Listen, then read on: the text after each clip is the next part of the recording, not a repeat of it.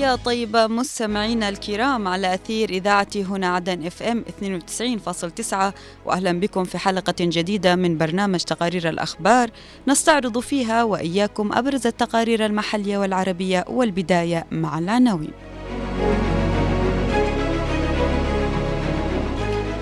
جهود دؤوبة للمجلس الانتقالي لحلحلة أزمة الكهرباء في العاصمة عدن.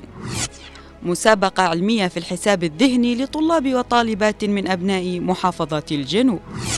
ورشة عمل لمناهضة العنف ضد المرأة بمدينة الشحر. ميناء الحديدة قاعدة الحوثيين العسكرية لتهديد الملاحة الدولية.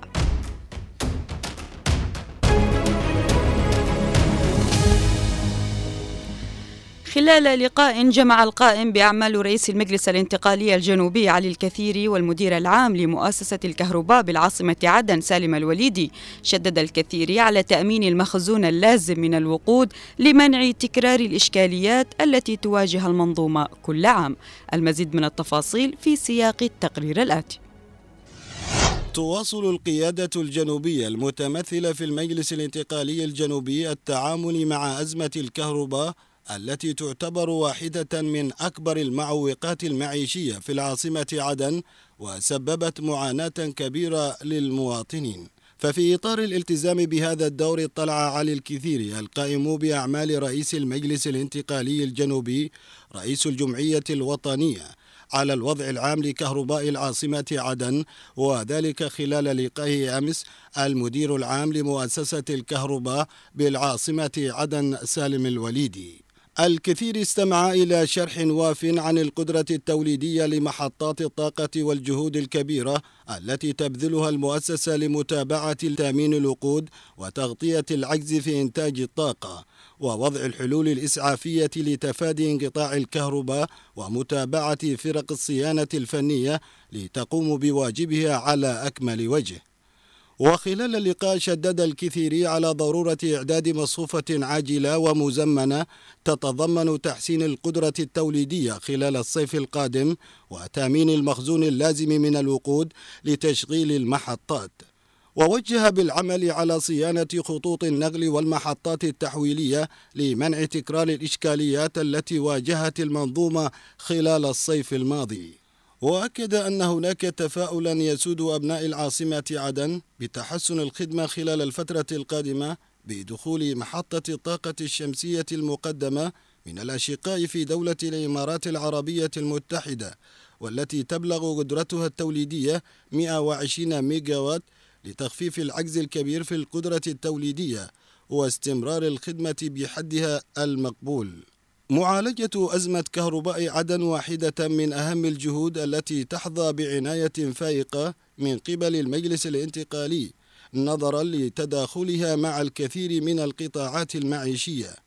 وكان حرمان المواطنين من الكهرباء سلاحا وظفته القوى المعادية للجنوب في محاولة لتأزم الوضع المعيشي وكانت الرصاصة الأكثر ألما لمنع توريد الوقود لمحطة الكهرباء مما أدى إلى غياب الخدمة. وهددت أزمة الكهرباء ولا تزال باندلاع ثورة غضب جنوبية عارمة لاقتلاع جذور الفساد التي تتوسع في ممارستها التي يؤدي إلى تفاقم الأعباء على المواطنين.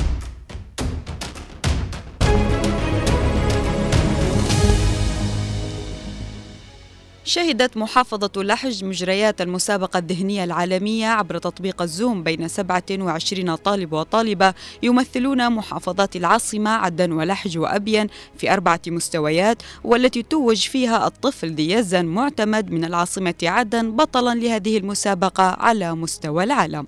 تفاصيل أوفى في سياق هذا التقرير. بتمويل من مؤسسة نعمة للأعمال الإنسانية والتنموية. أجريت في مديرية تبن بمحافظة لحج المسابقة العالمية الخامسة للحساب الذهني بمشاركة 27 طالبا وطالبة من العاصمة عدن ومحافظتي لحج وأبين لأربعة مستويات وذلك من أجل مشاركتهم بين 16 دولة عربية وأجنبية. اليوم ونحن نشارك ب 27 طالب من عدن ولحق وأبين نحن اليوم أملنا كبير في طلابنا في تحقيق المراكز متقدمة في هذه البطولة. أهمية مسابقة الحساب الذهني بشكل عام آه، تعمل على زيادة ثقة الطالب بنفسه تعمل على زيادة الفهم والاستيعاب تعمل أيضا على زيادة مهارة الطالب ومدركاته الحسية وزيادة تحصيله العلمي. المسابقة العالمية التي تأهل لها الطلاب والطالبات الذين تحصلوا على لقب البطل والمركز الأول سيقومون من خلالها بالإجابة عن الأسئلة بطريقتي المعداد والذهن أي الخيال في فترة زمنية محددة. إن شاء الله أفوز. في مسابقة الحساب الذهني وأفتخر بين أصدقائي وعائلتي ومحافظة مشاركة يعني ببطولة العالم وأشكر الذين دعموني منهم الأستاذ سعدان اليافعي وأمي وأبي وأخوي مثل العاصمة عدن في علم المسابقة العالمية للحساب الذهني وأشكر من ساهم معي في تعليمي لهذا الحساب الذهني. وعلى خطى الطلاب فإن ذو يزن معتمد من أبناء مديرية دار سعد بالعاصمة عدن والذي تحصل على المركز الأول عالميا في مسابقة بموسمها الخامس. ويسعى الطلاب المشاركون في المسابقة إلى الفوز بالمسابقة والحصول على المراكز الأولى ليكونوا فخرا واعتزازا لأسرهم ولمجتمعهم.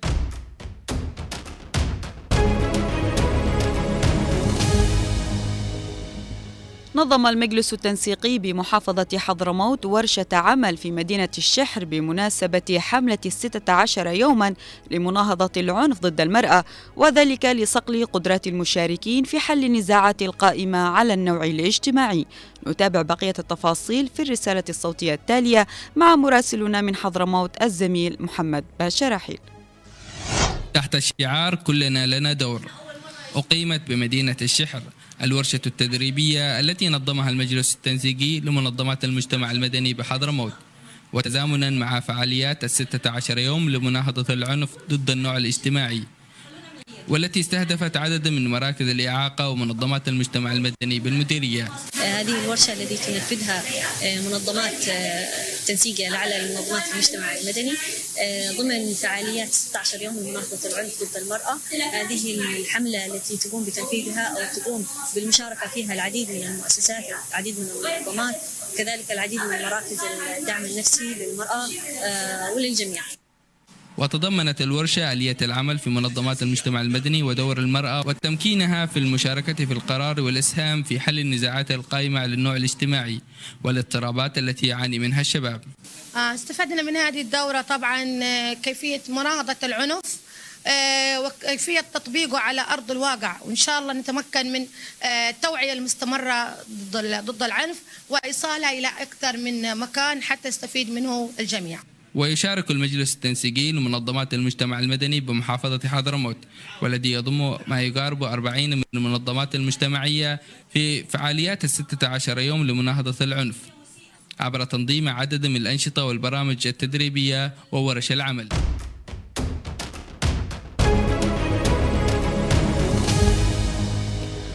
أعلن مركز مراقبة السفن البريطانية عن رصده لنشاط وتجارب لطائرات مسيرة ومنصات صواريخ من قبل الميليشيا الحوثية الإرهابية في ميناء الحديدة المطل على البحر الأحمر الذي حولته الميليشيا لقاعدة عسكرية لتهديد الملاحة.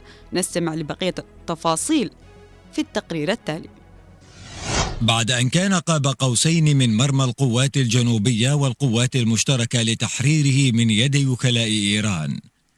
ها هو ميناء الحديدة المطل على البحر الأحمر. يحوله الحوثيون اليوم إلى قاعدة عسكرية.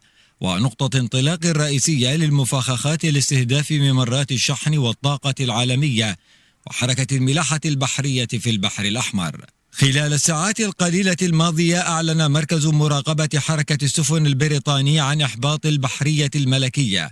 عملية استهداف حوثية بطائرة مسيرة نحو البحر الأحمر.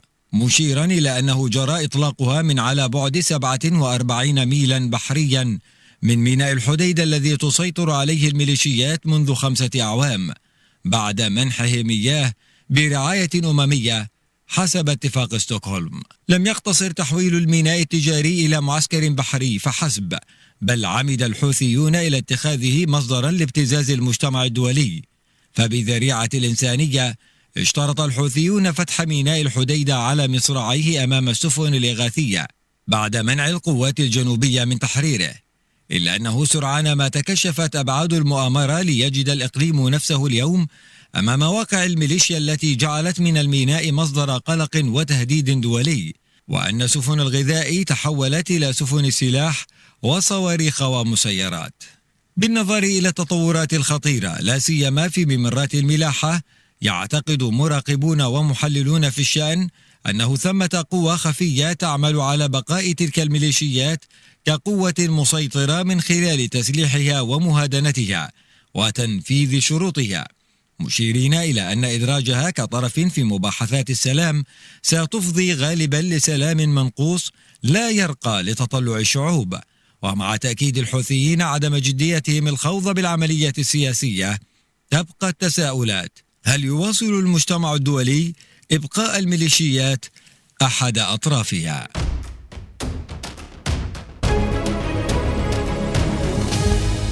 مستمعينا الكرام إلى هنا نصل إلى ختام هذه الحلقة من برنامج تقارير الأخبار. كنت معكم من الإعداد والتقديم أنا عفراء البيشي ومن الإخراج خالد الشعيبي. أطيب التحية إلى اللقاء.